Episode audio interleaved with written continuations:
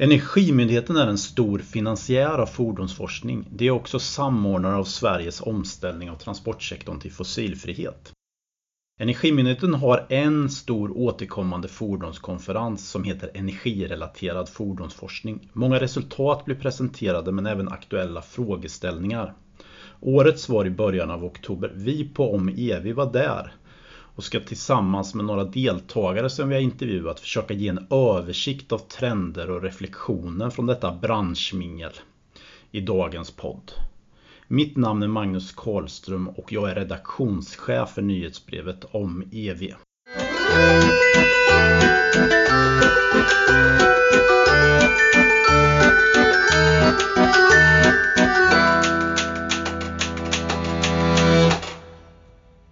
Under energirelaterad fordonsforskning blir mer än 100 forskningsprojekt presenterade. Energimyndigheten passade också på att uppdatera oss kring nuläget i deras samordning att ställa om Sverige till fossilfrihet inom transportsektorn. Under plenumsessionerna lyftes aktuella och relevanta frågeställningar fram tillsammans med inbjudna talare. Ämnena var till exempel batteriers miljöpåverkan, Northvolts planer för batteriproduktion, kopplingen mellan stadsplanering och transporter, om Sverige kommer tjäna och ställa om till fossilfrihet, hur vi ska elektrifiera den maritima sektorn. Vad är egentligen erfarenheterna från det stora programmet, demoprogrammet för elfordon som håller på att ta slut? Och vad kommer förbränningsmotorn ha för roll i framtiden? Och det var det ju ganska många som trodde på en ganska stor, eh, att det fortfarande under ganska lång tid kommer ha en stor roll. Under sessionerna fanns väldigt många olika ämnesriktningar som man kunde följa. Allt från motorer, elmaskiner, elfordon i samhället, elvägar, aerodynamik, bränsleceller, livscykelanalys, batterier. Allt detta kunde du följa. Och, och alla de här presentationerna, nästan 100 stycken, finns ju att ladda hem från Energimyndighetens hemsida. Och som vanligt när man går runt på sådana här konferenser så virvlar ju tanken och man funderar på vad man har hört och vad det egentligen kan innebära och vad, vad är det egentligen man vet efter man har lyssnat på någon. Och några av de här 300 deltagarna hjälpte oss här på Omevi och försöka fundera vad lärdomarna och reflektionerna från konferensen är och var. Peter Engdahl från Energimyndigheten sa att konferensen var välbesökt och att det var så stor mix på deltagarna. Ja, men jag tycker det som har varit, eh, som jag har tagit med mig härifrån, det är att det har varit väldigt välbesökt och att det har varit en väldigt bra mix av olika typer av personer som har mm. varit här. Så, så det är väl det som jag, och det har gjort väldigt mycket för konferensen. För jag märker även på rasterna så att det är väldigt intressanta diskussioner och så. Så det är nog det som är min takeaway så att säga från den här konferensen.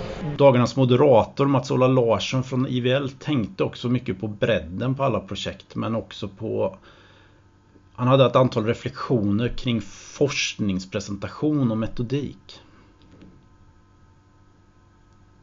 Jo, jag slogs av att Energimyndigheten stödjer väldigt olika typer av forskning. Om man tittar på programmet i, som helhet. Det finns dels den tekniska sidan av forskningen som handlar om energieffektivisering, drivlinor och förbränning, batterier och bränsleceller och sånt. Men så finns det också en eh, samhällelig och beteendevetenskaplig sida som handlar om användardata, eh, beteenden kring fordon, elbilar, exempelvis eh, effekter av styrmedel och sånt. Och eh, en intressant reflektion blir att eh, man använder ofta helt olika angreppssätt i sin forskning. Det är ju naturligt när man tittar på olika saker men det, det finns någon liten metodmässig skillnad där tycker jag man märker. Inte hos alla men ibland. Och hur har man lyckats belägga sin tes? Eh, har man identifierat felkällor och sånt? Och där kan man se en viss skillnad där jag uppfattar som att eh, teknikerna mera pratar om vad de har mätt och, och undersökt medan eh, den samhälleliga eller beteendevetenskapliga sidan av forskningen eh, drar lite längre växlar på sina studier. Jag säger inte att det är fel, men jag märker en skillnad där. Själv så jobbar jag mest med åtgärdsstrategier och styrmedel och sånt där. Så en lärdom från konferensen blir faktiskt hur mycket jag själv personligen då uppskattar de här lite självkritiska analytiska studierna inom vårt område. Det känns väldigt angeläget att jobba på det viset för mig. Hur säker är jag på resultatet? Vilken blir effekten av en viss åtgärd om den skalas upp exempelvis? Den lärdomen tar jag med mig. Arne Nåbo från VTI hade fått insyn i bredden på alla projekt som Energimyndigheten har. Ja, jag tycker det, är väldigt intressant att se så bred eh, kartläggning av det här med elektrifiering och eh, fossilfria transporter, alla aktiviteter som pågår, högt och lågt. Steven Wallman reflekterar hastigheten på förändringarna men också på att det är så bra att resultat från forskningsprojekt kommer ut till en stor grupp. Det är väl att utvecklingen går jättefort och det finns ett antal spår. Sen har det ju funnits en del föredrag som egentligen ifrågasätter både hur balansen mellan, jag tyckte det är väldigt intressant på den här gå, cykla, springa kontra att köra. Där kroppen är inte sådär jättebra på, åt man biff så var det absolut inte bra. Och det är gott. Eh, det andra är väl egentligen att eh, jag sitter ju egentligen i FFI och är ju delfinansiär då av i stort sett alla projekten. Och att det, det, verkligen kommer fram något och att resultaten sprids så att fler får ta del av eh, vad man har kommit fram till och det sporrar andra till att eh, jobba vidare, mm. ta upp spår. Magnus Lindgren från Trafikverket hade fått mer insyn kring en frågeställning kring laddning. Den, den som var den största aha-upplevelsen det var faktiskt om säker induktiv energiöverföring. Alltså de här fälten som kommer, inte elektromagnetiskt utan den som påverkar människor och hur de regelverken ser ut. Och att de faktiskt inte tar hänsyn till eh, långtidseffekterna på människan. Eva Sunnerstedt från Stockholms stad hade fått med sig många funderingar vad som egentligen är ett bra val för elfordon.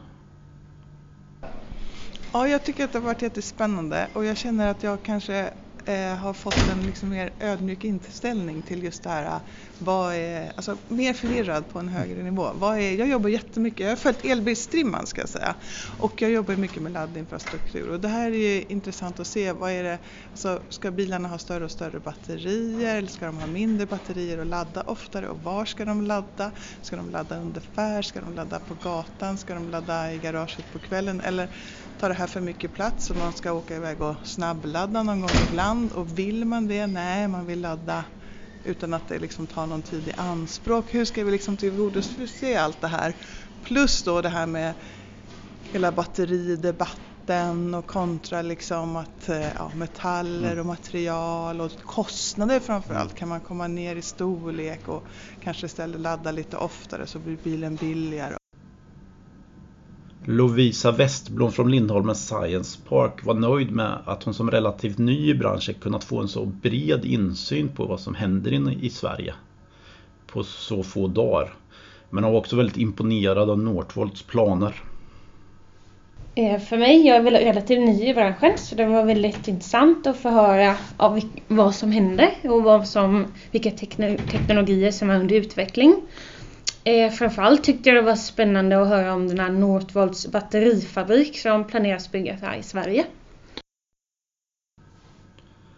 Martin Gustafsson från RISE hade lärt sig mer om batterier. Men han tyckte också det var väldigt intressant att få den här bredden på alla projekt. Jag tycker jag har lärt mig väldigt mycket om batterier och eh, återvinning av batterier. Nu är jag eh, inte speciellt intresserad av batteriområdet och jag är inte så påläst heller. Det finns säkerligen någon som tycker att det kanske var lite för tunt. Men för mig då som inte kan så mycket så tyckte jag att det var väldigt lärorikt den eh, sessionen som var väldigt mycket inriktad på eh, batteritillverkning och återvinning och användning av batterier. Mitt stora intryck är ju att det är det är väldigt varierande tycker jag. Med, eller framförallt det är väldigt många projekt som ju Energimyndigheten har finansierat inom då, som är fordonsrelaterade. Så det, det är väldigt mycket.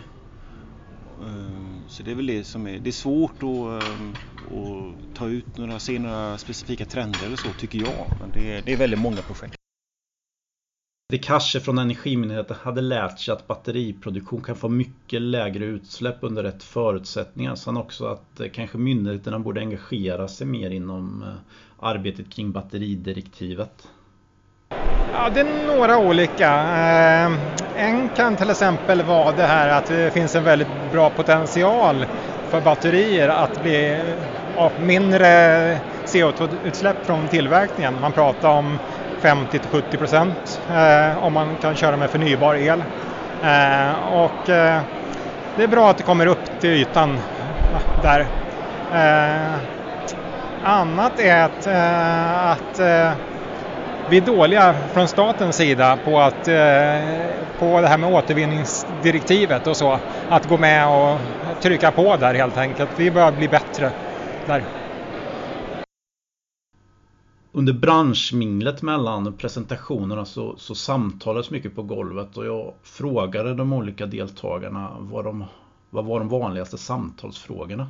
Peter, hörde, Peter Engdahl hörde ofta om bredden på alla projekt som Energimyndigheten har. Det som jag har fått mycket återkoppling på det är att det är många som har noterat och reagerat på att vi har så, vi täcker över ett sådant brett område. Det är allt från grundläggande förbränning och batterikemier och, och sådana saker till systemfrågor och till samhällsfrågor. Så det är en otrolig dynamik och det har vi också, tror jag, lite grann försökt visa i de här plenumdiskussionerna att, att eh, vi har en bredd i verksamheten mm. och det är bra att den insikten kommer också. Peter Kasches reflektion från samtalet var att vi numera lever i, en, i framtiden. Ja, jag tycker den allmänna inställningen är att för fem år sedan då såg vi det här som framtiden. Idag är vi i det på något sätt. Eva Sunnerstedt hade många samtal om betydelsen av beteende kopplat till de här teknikvalen. Ja, jag har faktiskt pratat mycket om det här med beteende att det är mer, alltså tekniken är en sak och det känns det som mm. att det klarar väl vi ungefär så lite så här, ja, mm. så här tänker man då som mm. ingenjör. Men eh, beteendet, alltså hur kommer folk att anamma den nya tekniken? Och jag har haft många intressanta frågor om just det här med autonoma fordon. Kommer vi att köra mer nu? Kommer vi att känna oss trygga om vi ska gå på en buss mitt i natten med tre personer i som vi inte mm. känner och det inte finns någon chaufför? Chauffören är ju någon slags trygghet eller ska vi, ja, ja, man håller ju på att komma och rejta folk och liksom allt det här. Mm. Men, men jag känner ändå, alltså hur kommer folk att bete sig i den här nya liksom, världen med inte bara elbilar utan kanske autonoma fordon. Vi vill ju liksom inte att folk ska resa mer eller mm. utan att man ska få fortfarande, de tar ju fortfarande plats i alla fall i städer. Och, ja, det här tycker jag, just beteendefrågor tycker jag är jättespännande. Även Mats och Ola hade pratat mycket om autonoma fordon men också om allt som är nytt. på golvet så slås man ju av att eh, det är kul med nytt. Vi människor gillar nyheter. Vi pratar mycket om nya fordon och fordonstekniker. Vi pratar mycket om nya projekt som vi är med i. Vi pratar mycket om nya jobb som vi har fått eller som någon annan har fått. Ehm, men ehm, ämnesmässigt så pratar ju många om, det, det, dyker upp många kreativa förslag på hur man kan stödja omställningen till fossilfria transporter. Där finns ju ett jättestort engagemang och det är väldigt kul att se det.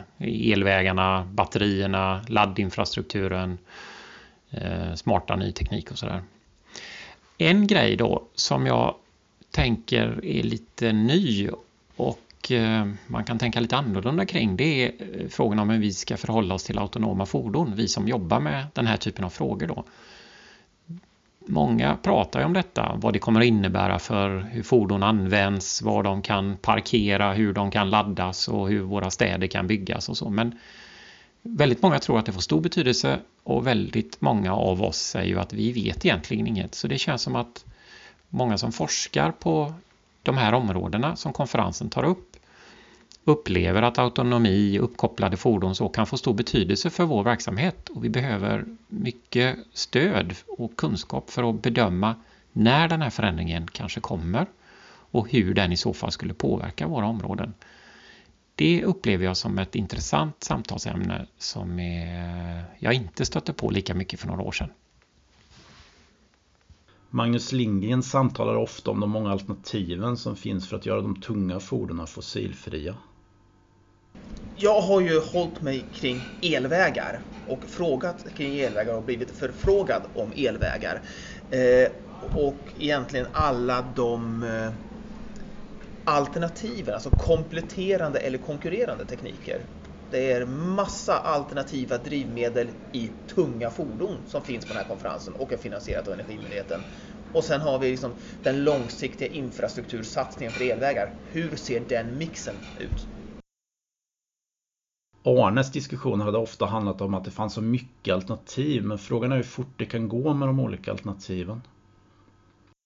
Eh, jag tycker mycket att man ser det finns så många möjligheter och många vägar som det här kan ta. Och eh, tidsperspektiv, hur lång tid kommer det att ta och vad kommer att hända? Där finns det fortfarande rätt stora frågetecken. Lovisa hade hört mycket om mobilitetstjänster. Eh, jag tycker det var mycket prat om hur vi ska ställa om till ett fossilfritt samhälle och också begrepp som Mobility as a Service och Logistics as a Service. Steven hade hört mycket om betydelsen av att vi samverkar så mycket mellan sektorer i Sverige. Ja, det är även där är det, det, stora, det stora antalet, det stora betydelsen av samverkan mellan industri, myndigheter, högskolor, institut. Att du har alla schatteringar här och i stort sett alla pratar positivt om att få den här samverkan. Som är kanske ett av de viktigaste målen egentligen med att staten går in och stöttar en del projekt så att du får en bred uppslutning kring det. Tack alla ni som ställde upp på intervjuer under de här dagarna. Det var jättebra, tack så mycket. Min egen reflektion är att jag blir alltid så ödmjuk när jag är på sådana här konferenser inför alla som kämpar på i ensam och tillsammans med ganska svåra forskningsprojekt för att Sverige ska bli fossilfritt och, och fortsätta vara en fordonsbransch i, i en framtid som är väldigt otydlig och, och, och den förändras så väldigt snabbt. Så, så jag känner verkligen ödmjukhet inför alla som arbetar med detta. Så håll huvudet högt. Ni har lyssnat på en podd från nyhetsbrevet om EV som är helt finansierad av Energimyndigheten samt värdar i Swedish Electromobility Center. Musiken som vi använder är gjord av, av bandet Vintergatan och tack och hej så mycket.